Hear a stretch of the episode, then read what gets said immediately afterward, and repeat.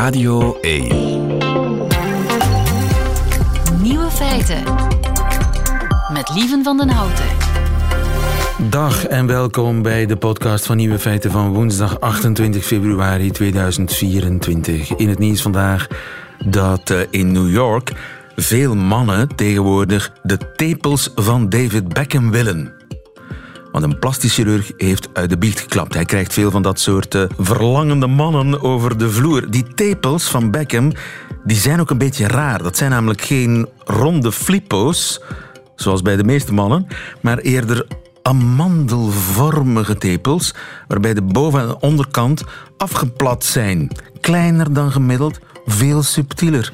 En dat is wat veel mannen van hun tepels verwachten. Ze kunnen niet de looks en het talent van Beckham krijgen, maar misschien wel zijn tepels. Ingreep schijnt snel achter de rug te zijn. Een uurtje onder lokale verdoving en het is gepiept. Een stuk van de tepel wordt weggesneden. Het kost wel 5000 euro. En ik vind voor die prijs zou ik de tepels in de vorm van het Radio 1-logo moeten kunnen krijgen, toch? Maar goed, de andere nieuwe feiten vandaag. De vogelgriep is aangekomen op Antarctica en dat is een ramp voor de pinguïns daar. Tenor Reinoud van Mechelen die predikt de Johannespassie voor de jeugd. En we vinden een woord voor het bezet houden van een stoel met een voorwerp. De nieuwe feiten van Nico Dijkshoorn die hoort u in zijn middagjournaal. Veel plezier.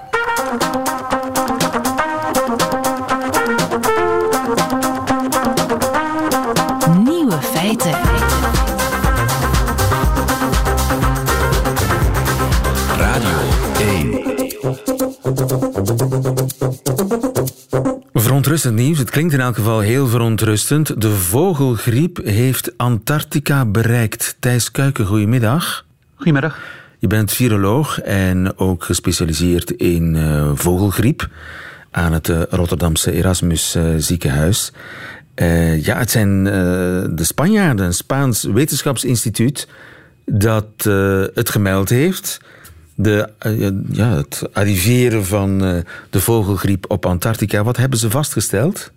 Ze hebben vastgesteld dat in twee dode zeevogels, jagers, dat het hoogpathogene vogelgriep aanwezig is.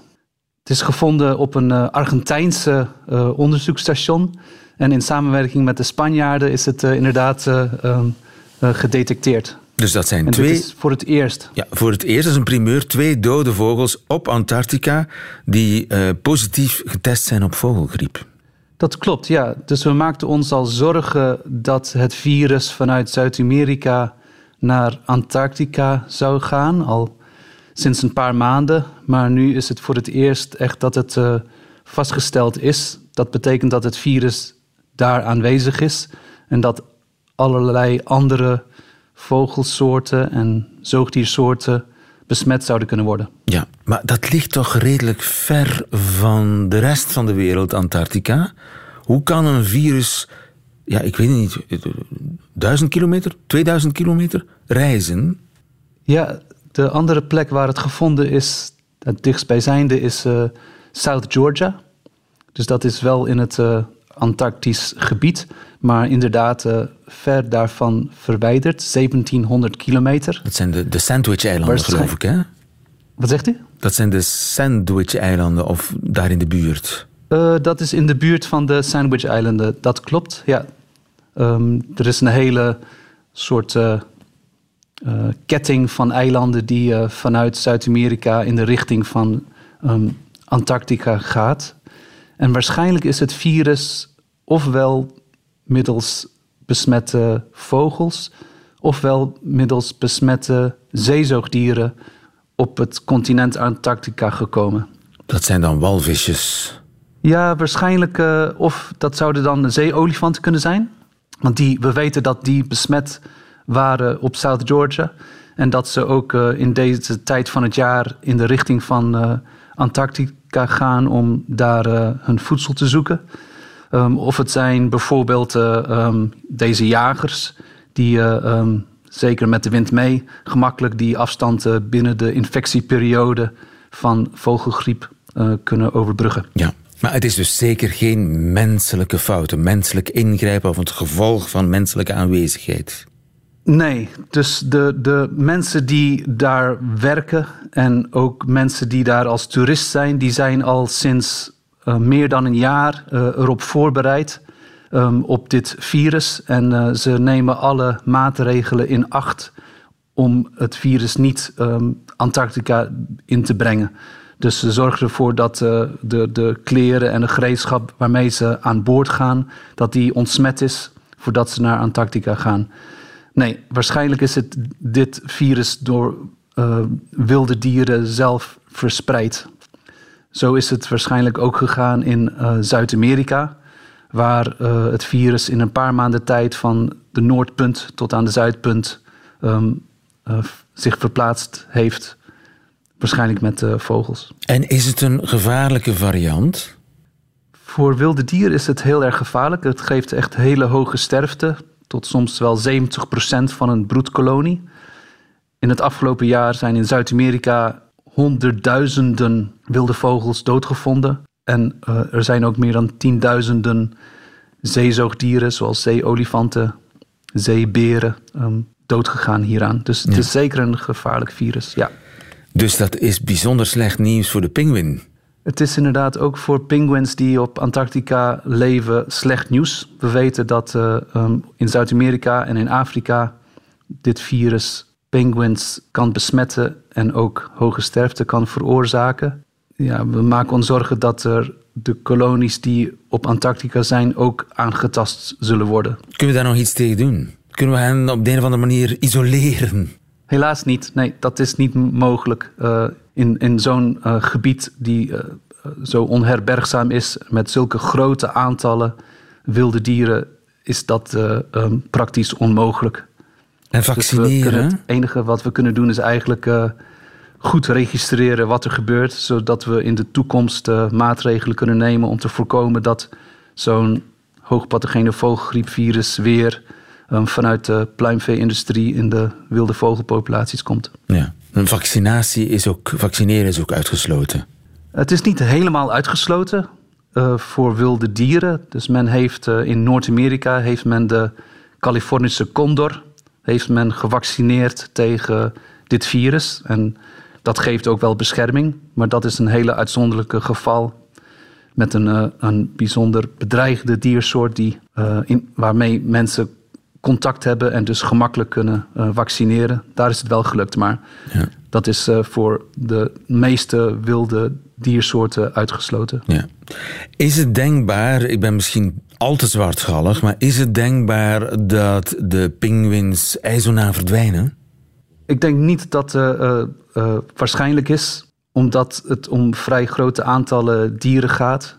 Dus wat we, men wel kan verwachten is dat deze virusuitbraak tot een sterke verlaging van de populatie kan leiden. En dat kan soms wel jaren duren voordat dat dan weer op zijn oorspronkelijke pijl komt. Maar niet dat het uh, virus de soort uh, als geheel zal doen uitsterven. Dat is iets anders met uh, een aantal soorten die nu al in hele kleine aantal voorkomen, zoals een aantal albatros-soorten of sommige eendensoorten op de subantarctische eilanden die in heel klein aantal voorkomen en alleen maar op die eilanden. Daar is het wel mogelijk dat zo'n uitbraak tot zoveel sterfte leidt dat de soort niet meer uh, uh, stand kan houden. Ja, maar voor pingvins zit dat gevaar er niet in. Duidelijk, dankjewel. Thijs Kuiken in Rotterdam voor ons. Goedemiddag. Het ontbreekwoord. Rick de Leeuw gaat op zoek naar woorden die in onze taal helaas nog niet bestaan. Een goedemiddag, Rick de Leeuw. Goedemiddag. Je hebt toch geen uimerlepnis op dit moment? Nee, nee, nee. Het had gekund. Wat kwam ik hier ook alweer doen? Ja. Dat is een uimerlepnis. Een uimerlepnis hebben we vorige week uh, ja, gemunt. Hè? Ja. We hebben dat Aha. gemunt. Uh, nadat we eerder al zoiets als een fantoomplek... Goedemiddag ook uh, Ruud Hendrik, hoofddirecteur van Vandalen. Ja. Uh, wat, wat, is ook alweer een fantoomplek? een fantoomplek is een plek die alleen nog in je herinnering bestaat. Omdat die intussen verdwenen Hij weet alles. Nu kan me één vragen dat hij niet... Een kachelaar. Dat is iemand die het altijd veel te warm heeft. Je kunt ze echt uit het hoofd. 10 op 10, 10 op 10. Wauw. Ik denk dat ik de meeste nog wel weet, ja. Eh, daarom ben jij hoofdredacteur van Vandalen natuurlijk. Jij bent de woordenboekenman.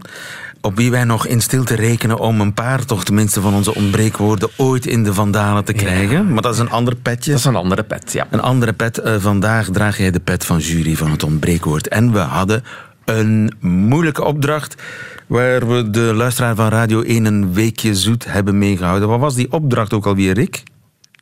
In een theater, in het café of aan de rand van het zwembad. Mensen hangen hun jas of handdoek over een zetel en claimen daarmee die plek. Op die vraag werd deze week antwoord gevraagd. Ja, Hoe wij- noemen we dat? Ja, ja, ja, we zijn er allemaal kwaad op, maar we doen het allemaal toch stiekem zelf ook wel een keer. Hè? De praktijk is weer barstig. Ja, ja, ja. Inderdaad. En moreel zijn we zo hoog aangeschreven, maar in de praktijk valt het soms vies tegen. Hebben we één idee hoeveel inzendingen er deze week zijn binnengekomen, Rick? Eh, ik stop met tellen bij de duizend en ook hier was het weer boven de duizend. Krankzinnig, hè? Ja, Het is eh, eh, Heel prachtig. Vlaanderen Ja, ja, op ja. zoek. Het is prachtig hoe, de radio de mensen bij elkaar brengt. Rond nieuwe de woorden. vereniging. Heerlijk. Doe eens een greep.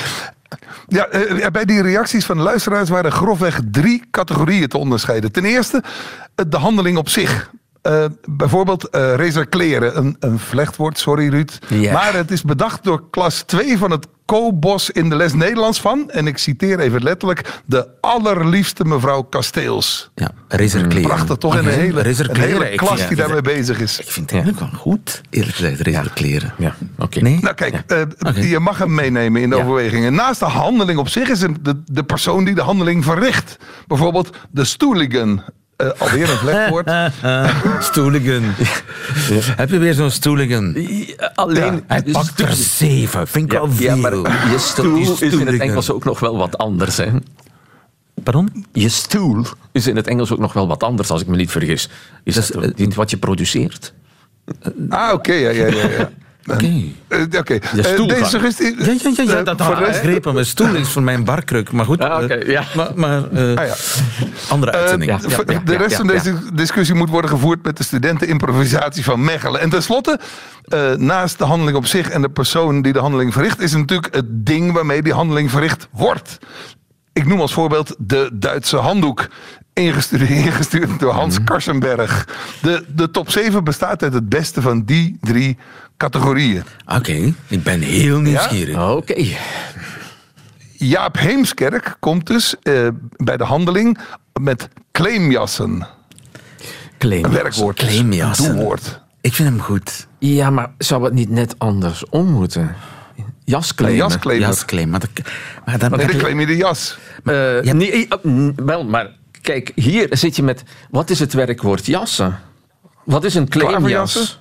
Klaverjassen? daar zit... de- Ja, mij, deed, mij doet het ook meteen denken inderdaad aan een, eh, een, een, een kaartspel. Ja. We gaan claimjassen in plaats van klaverjassen. Eh, maar er, voor mij in de logica zit er iets vreemds in. Ik zou spontaan zeggen jas claimen, door middel van een jas iets claimen. Jasclaim. Want het, het hoofddeel is claimen. Dan maken we er klas, eh, jasclaimen van. Als we er jasclaimen van, van Ja, maken, dan, dan, heb ik er al minder bezwaar tegen. Ja. Maar Claim- alhoewel, Maar dan de- claimen is in de heel dubbelzinnig. Hè? Want dan, dan is het zo van, je claimt inderdaad die bepaalde jas die daar hangt. Dat Ja, zou het ook kunnen betekenen. eigenlijk. Ja, Ik, ik vind claimjassen, claimjassen leuk, omdat het op klaverjassen doet denken. Ah, oké. En je Goed. claimt met jassen. Je Ja. claimt met jassen, Ja. dus je alleen zeg je claimjast. dat niet zo in het Nederlands. Maar goed. Oké, het wordt een Benoit Hendricks. lange zit vandaag. Ik Ja. voel het. Ja, ja, ja, ja, Ja, ja. ja. We hebben tot één. Benoit Hendricks, Chris de Bel en Didier Gijssen komen onafhankelijk van elkaar met territoriseren. Territoriseren. Ja, daar zit... Een vlechtwoord. Het is een vlechtwoord van Maar territorium en terroriseren. Maar is dat niet een beetje te... st- Te breed, kind te breed. Territoriseren. Ja, het is een beetje te breed en ook heel sterk. Hè? Als, je, als je gewoon een, een, een, een stoel claimen, hè, reserveren, al terroriseren noemt. Ehm, ik, ik denk een heleboel mensen, want dat is een van mijn categorieën. Hè, ik denk dat een heleboel mensen dit woord niet zullen gebruiken omdat ze zeggen dit is veel te sterk. Ja. Daar zit terreur in en dat Ja. is het niet. hè. En sommige mensen doen het Dat helemaal het niet uit ja. terreur, maar gewoon... Ja. Het is ook... Onwetendheid. Ja, goed. Ja, Next. ja, dat is waar. Oké, oké. oké. Ja. Ja. Ja, Jelle Janssens, en nu gaan we naar de mensen die het doen. Jelle Jansen komt met de plekhacker. De Black Hacker. Ik weet waarom die het doet. Natuurlijk het, eh, voor het, ja, de klank, hè. Ja. Lekker hacker. Maar bij hacken denk ik toch eerder aan computernetwerken en websites en alles wat met elektronica te maken heeft. Omdat te hacken kun je een stoel hacken. Je onrechtmatig toe-eigenen. Toe-eigenen. Eventueel zou het kunnen. Dat is dan een betekenisuitbreiding van het werkwoord hacken. Black Hacker. Er Ja, een virtueel hek omheen plaatsen. Ja, Oh, ja, maar dan zou ik het met H-E-K-K schrijven. Black Hacker. Ja, oké, goed. Een plekhacker. Ik, ik, Ga jij even het Black met- Hacken nog? Ja. Ja, ja. Wij, wij, wij nemen nog snel een drankje. Ja. Ja, ja, ja. ja, Ga jij even. Black, black Ah, Hacken? ja. Ben jij de Black Hacker? Wij, wij halen de drankjes. Ja. Ik vind het wel kunnen. Het, ja, bij uitbreiding. Bij Oké. Een tekenisuitbreiding. Bij uitbreiding. Ja. Goed. Diane Geens komt met de spotnapper. De Als, spotnapper. dus met een A, hè? De spot, Ja, ja. eh, als een kidnapper. zoals een kidnapper. Spotnapper. Een spotnapper. Ja, dat vind ik ook niet slecht. Ja. Eh, het zit zo'n beetje in dezelfde sfeer als de plekhacker, hè? Maar de ik denk snotpepper. Maar Ja, een spotnapper. Spotnapper ik moeilijk. Spotnapping, ja. moet, Ja, oké, goed. Lieve vindt het Ja. moeilijk. ik vind het Maar een tongtwister. Ja. Ik, ik wil spontaan een snotpepper zeggen. Ja. En een Ja. pleknapper. Pleknapper. Een pleknapper. Dat is een combinatie van de plekhacker De plek- en de spotnapper. Een Oké. pleknapper. Een pleknapper. Dat lijkt mij logischer dan een plekhacker. We maken er een top 8 van. Pleknapper Je zit maakt ertussen. een, ja, ja, een vlechtwoord van twee nog niet bestaande ja, ik woorden. maak vlechtwoorden van van je. vlechtwoorden. Oké, pleknapper. Hilde van Kouteren, Alain Truitjes, Jan van Riet, Guido Luiks, Riet van der Wallen, Rune, Els Rotij en Hilde Quintens komen onafhankelijk van elkaar met de zetelkaper. Dat eh, heeft het voordeel van de duidelijkheid. Zetelkaper. Een zetelkaper. We hebben al een coupékaper gehad. Hè? Dus de luidruchtige eh, man of vrouw die eh, be- begint te bellen in, in een treincoupé. Een zetelkaper. Ja. Ja. ja. Zeer goed. Ja? Ja. Heel doorzichtig. Ja. Wordt gedragen door al verschillende mensen. Ehm, zeker meenemen in de Ja, afweging. Weinig kleur. Dat wel. Dat wel. Weinig kleur. Dat wel. Het is wel een Nederlands woord. Terwijl in de andere, eh, we zeggen altijd, we zijn op zoek naar een Nederlands woord, zitten eh, hackers, Ja. Nappers. Nappers. Ja, ja. Ja, maar goed. ik- maar, maar, ik ja, vind zeker. pleknapper, in te- dat hoor ik mensen beter zeggen. Ja, ik ook. Ja. Goed, oké. Oké, eh, Gerda Verschuren, misschien kan zij nog iets veranderen. Gerda Verschuren komt met de plaatsgier. Ja, ook mooi. Een gier, eh, hier natuurlijk in een, eh, de figuurlijke betekenis van iemand die zich iets toe-eigent, denk ik. Hè, van een, Ja. Ja? En die eigent zich eh, een plaats toe. Een plaatsgier. En in klank vlak naast de A-schier. Maar ik, Ja, vind, ik vind wel, als ik dan zeg, ik neem nog wel een paar drankjes of ik ga even iets doen, Ja. kun jij even mijn plaats gieren? Gieren, dat is weer moeilijk. hè. Dat is dus, lastig, ja. Dus ja, dus en dat, dat, dat merk je wel. Bij die anderen gaat dat iets makkelijker. Ja, hè? Ja. We mogen Ja. niet het- gaan voor een te negatief woord, want het Oh. is niet altijd zo asociaal, vind ik.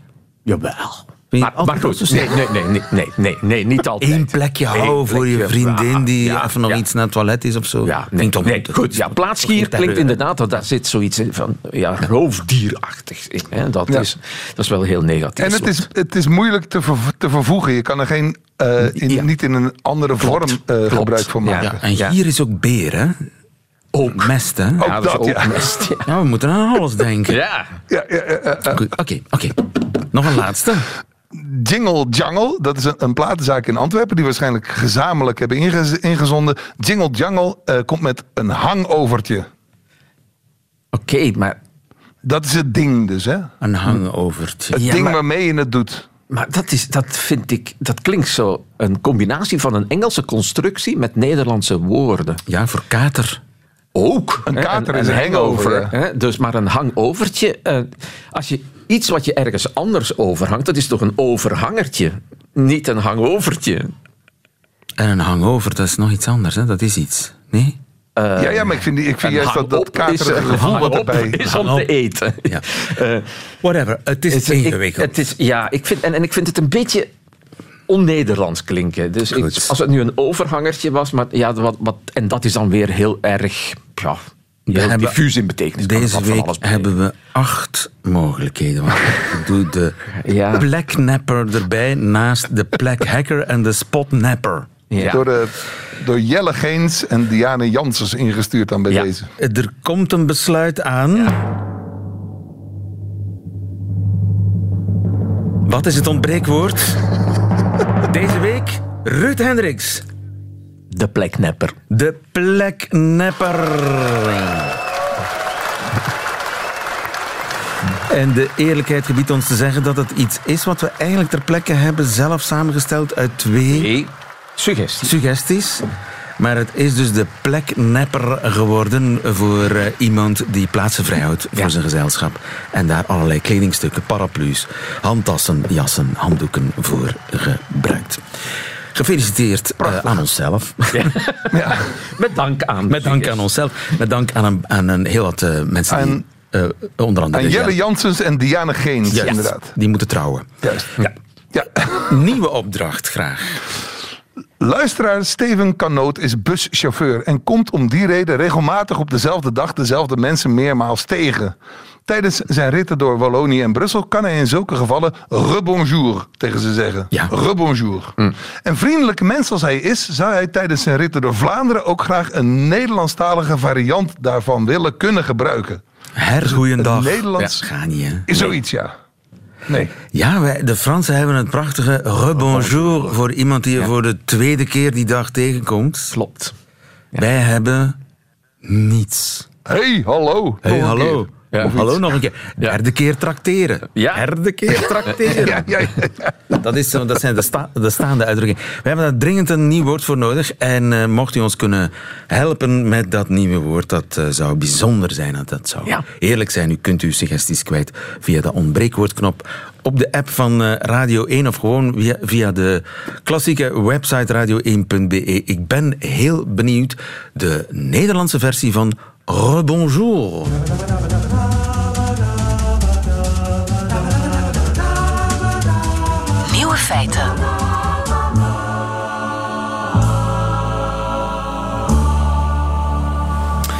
Held van de dag is Reinoud van Mechelen, want hij predikt de Johannespassie voor de jeugd.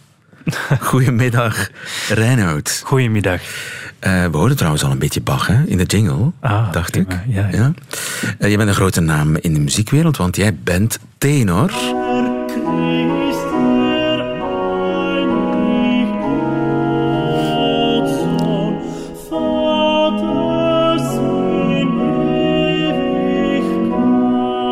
Zo klink jij dus als je zingt. Ja, Over een maand is het Pasen, dus dat betekent volop eh, passietijd, Johannespassie, eh Matthäuspassie, her en der. Te landen zijn er eh, opvoeringen. En het vooroordeel is, dat is een stoffige bedoeling voor oude, halfdode mensen. Ik trek het heel erg op de fles. hè. Jij gaat daar dwars tegenin. Volgens jou is Bach springlevend. En eh, niet alleen voor eh, bejaarde mensen. ja, dat denk ik wel. Dat is een overtuiging waar ik al lang mee zit en waar ik op verschillende manieren werk van probeer te maken. En we hebben het voorbije zondag in Leuven al deels bewezen. Het was een, eh, ja, een beetje een risico, kunnen we wel zeggen, om, om het aan te gaan. Maar we hebben een, voor een volle Sint-Jan de Doperskerk in het begin of in Leuven... de 50 minuten uit de Johannespassie gebracht. Wat heb ik gedaan? Ik heb met een beetje schaamte in mij, omdat natuurlijk ik de volledige Johannespassie een puur meesterwerk vind. Maar ik denk dat voor een eerste ervaring voor kinderen, maar eigenlijk misschien echt voor kinderen. ja, het is voor mij niet per se enkel voor kinderen, maar voor mensen die nog niet helemaal gewoon zijn aan Bach en aan die muziek. Even, oké, ik, ik pak hier nu de 50 sterkste minuten uit. Ja. En vooral de 50 minuten die ook nog echt wel een dramatische boog hebben. Die probeer ik eruit te halen. Maar geef je uitleg daarbij. We geven een korte inleiding. Dan mogen ze één koraal even ook meezingen na, na 10, 15 minuten muziek. Dus dan, mogen ze, dan komen ze nog even, niet letterlijk uit hun stoel, maar dan, dan mogen de mensen meezingen. En het zijn kinderen tussen zes... Zitten alleen maar kinderen? Of? Nee, nee, nee. Er waren ook heel veel volwassenen. En er waren eigenlijk ook heel veel volwassenen die deze muziek nog niet kennen. En dat is voor mij ook een warme oproep, want we doen dit dus morgen terug uh, in Boutershem. Mensen die zeggen van, ah, dat, zo direct een uur en vijftig minuten, dat is misschien toch wat veel. Wij hebben dit samengebald, tien minuutjes even uitleg van wat gaat er gebeuren en dan 50 minuten uit de Januspassie met de titels ernaast. Ik wil zeggen simultaan vertaling met uh, geen boventitels of ondertitels, maar zijtitels, om het zo te zeggen. Dat de mensen helemaal mee zijn in het verhaal en dan proberen wij een heel expressieve versie te brengen. Dat probeer ik altijd ook als we een volledig... Want er is iets met Bach. Bach is eigenlijk voor iedereen, hè? Ja, ik geloof dat wel. Bach is extreem uh, intelligent en in de manier van schrijven, maar ik ben ook veel minder intelligent als Bach zelf. Dus moest iedereen zo intelligent moeten zijn als Bach zelf om het te kunnen verstaan, dan, dan hadden we niemand die kon komen luisteren. Ik denk echt dat Bach... Maar je hebt die, scholing niet nodig om het mooi te vinden? Nee, dat denk ik echt wel. En vooral om het mooi te vinden en om geraakt te kunnen worden door deze muziek. Want dat is echt... Het is de Jonas-passie dan nog wat korter dan Matthäus-passie. Wij doen dan nog een, een gekortere, een gekort ingekorte, gebalde versie. En er gebeurt van alles en nog wat. En er is plaats voor, voor verschillende gevoelens die, die we daarbij kunnen hebben. En Bach geeft ons een, een, richting, maar wij mogen zelf voelen wat we willen, denk ik. Ja, je hebt drie stukjes meegebracht. Ja. Uh, het zijn niet de greatest hits die je hebt meegebracht. Niet uh, de aria's die, we, die de meeste mensen kennen. Maar bijvoorbeeld de Juden aber schrien und sprachen. Ja, ik wou, dat is, uh, het koor heeft verschillende rollen in, in de passie. En hier zijn ze uh, het volk. En het volk is in het passieverhaal niet al te vriendelijk.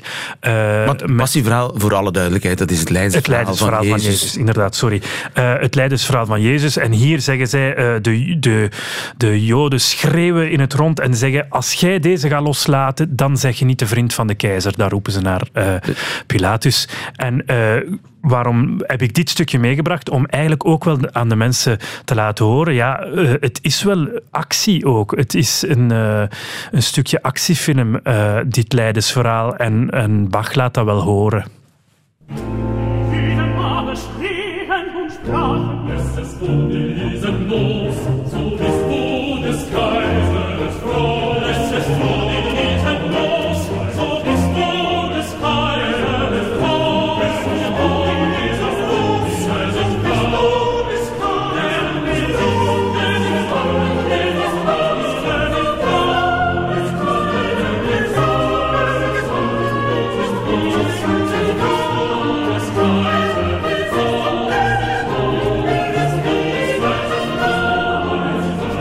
We praten er gewoon doorheen. Heilig is het niet. Maar je merkt het ritme, ook die themaatjes, dat, dat kleine simpele themaatje dat constant terugkeert, waardoor het inderdaad bijna musical-achtig of Ja, en nu horen helemaal de schreeuwende meute die zegt van nee, dit mocht je niet doen. En nadien wordt het, ik wou niet alles weggeven natuurlijk, dan beginnen ze zeggen weg, weg met hem en laten we hem, we hem aan het kruis nagelen en weg, weg, weg, weg, dat horen we allemaal. Die dus het is echt telkracht die erin zit. Die zit er helemaal in en ik wou in het begin horen dus de evangelist. Dus ik, zal, ik dirigeer het geheel, maar ik zing ook die evangelistenpartij. De man die het aan elkaar praat, om het zo te zeggen. De presentator, hè? Ja, eigenlijk wel. Dus, ja. en die heeft antwoorden. Ja.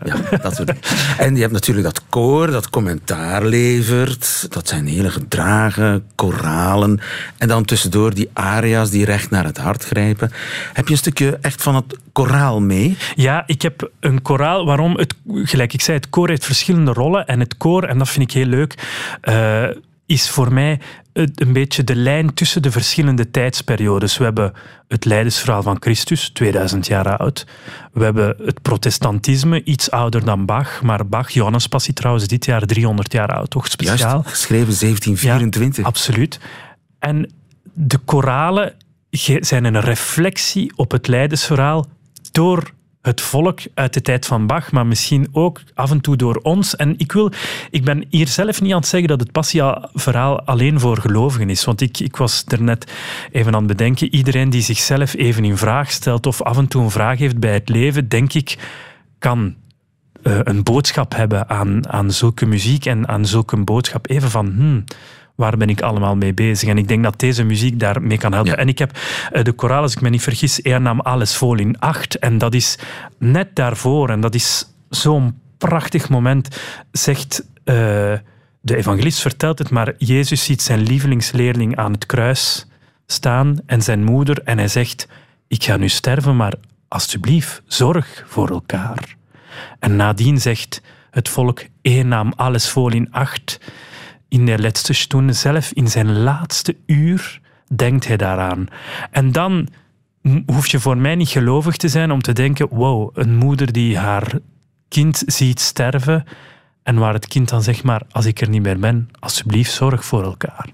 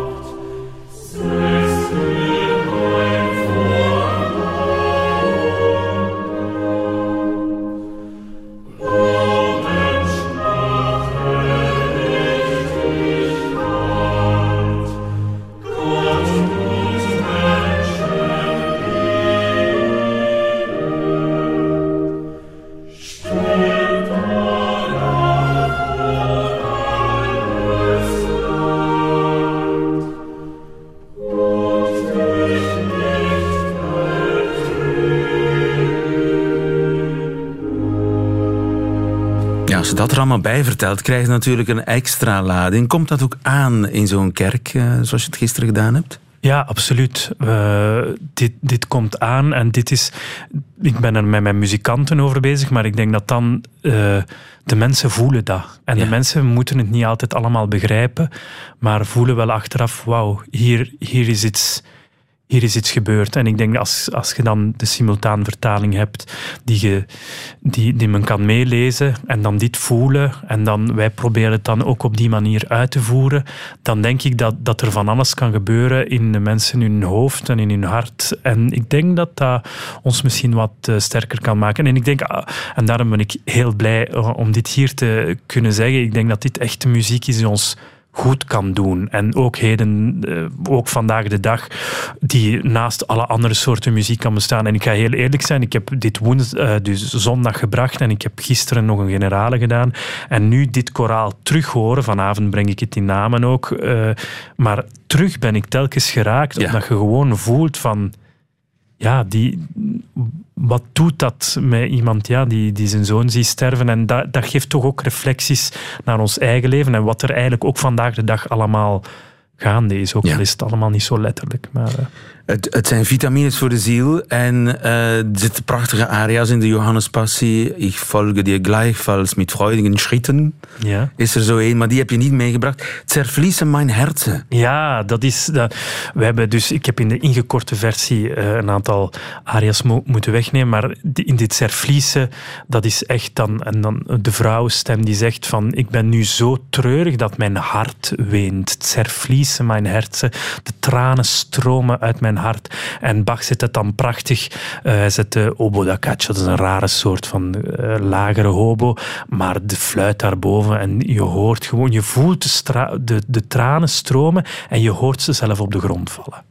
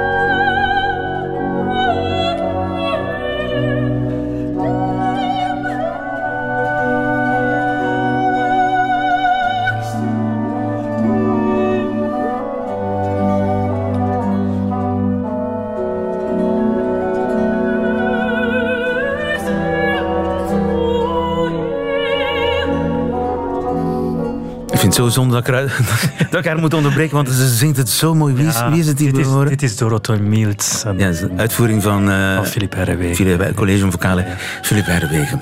Goed, morgen dus in de kerk van Vertrek Ja. in Boutersem. De mensen zijn nog welkom. De mensen zijn nog welkom, absoluut. Iedereen is welkom. Een 50 minuten versie van de Johannes Passie met uitleg door Reinoud van Mechelen. Eh, heel erg bedankt voor je komst. Mag ik je heel veel succes wensen en ik hoop dat heel veel mensen eh, ja, tot Bach eh, komen. ja, ik hoop het ook. Dank u wel. Heel leuk. Goed, en daarmee heeft u alle nieuwe feiten gehad van eh, deze 28 februari. Dit is het Middagjournaal met Nico Dijkshoorn. Nieuwe feiten. Middagjournaal.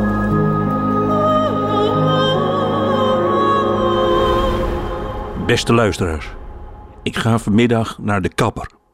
Voor bijna kale mensen voelt dat alsof je naar het front wordt gestuurd met een houten geweertje.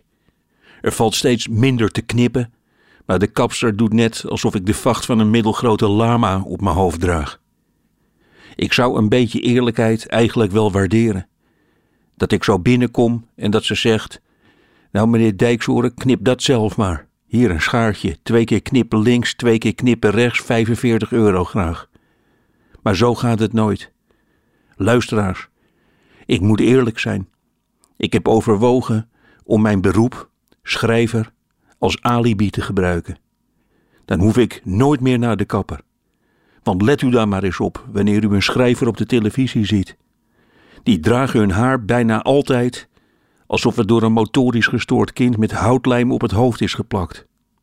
Jan Wolkers zag er altijd uit alsof er twee reigers een nest op zijn hoofd hadden gebouwd. Maarten Biesheuvel, die zag eruit alsof hij de hele dag op een fiets over een dijk had gereden. En ik zou dat ook kunnen gaan cultiveren. Mocht ik ooit op de Vlaamse televisie verschijnen, dan ga ik klodders inkt in mijn haar doen en ik ga kleine propjes papier erin drukken. En als ze dan vragen wat dat te betekenen heeft, dan kan ik zeggen: Sorry, ik zat te schrijven. Maar dat gaat nooit gebeuren. Ik zit goed hier. Voor de radio heb ik precies het goede haar. Maar goed, de kapper. Ik ben erg gesteld op de rare wetten die in een kapsalon gelden. Ik weet bijvoorbeeld nog steeds niet of je via de spiegel met de kapper moet praten of dat je gewoon je hoofd even opzij kan doen om hem of haar aan te kijken. Ik vind het ook lastig als er mensen achter mij zitten te wachten. En die mensen die kijken mee hoe ik word geknipt en die weten dan eerder hoe mijn achterhoofd eruit ziet. Ik ga vanmiddag, ga ik eindelijk eens net doen alsof ik naar een niet bestaand land op vakantie ga. Op de kapperschool is dat het eerste wat ze leren. Vraag de klant of hij op vakantie gaat. Dan heb je een gesprek. En ik ga zeggen, ja, ik ga op vakantie. Naar Snegjov, een klein dorpje in Oezbekistan. Ze staan bekend om hun paardenworst. Die maken ze van een koe. Ik ga vier weken lang. Ik slaap samen met een Oezbeekse bouwvakker in een bed. Dat is traditie daar. Overdag ga ik fijn shabbatsen. Dat is met een natte theedoek mensen van boven de tachtig op hun achterhoofd slaan. Ja, je moet je tijdens een vakantie aanpassen aan de plaatselijke gewoontes. Luisteraars, eens kijken hoe ze dat gaat oplossen. Ik denk door te zeggen: lekker kort weer, meneer Dijksoren. Zoals anders. En dan zeg ik: ja, wat moet ik anders?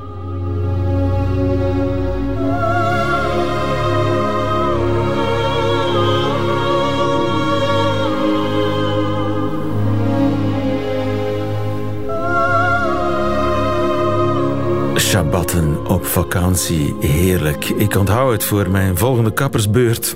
Nico Dijkshoorn in het middagjournaal. Einde van deze podcast hoort u liever de volledige nieuwe feiten met de muziek erbij. Dat kan natuurlijk elke werkdag. Live op Radio 1 tussen 12 en 1. Of uitgesteld in de app van VRT Max. Tot een volgende keer.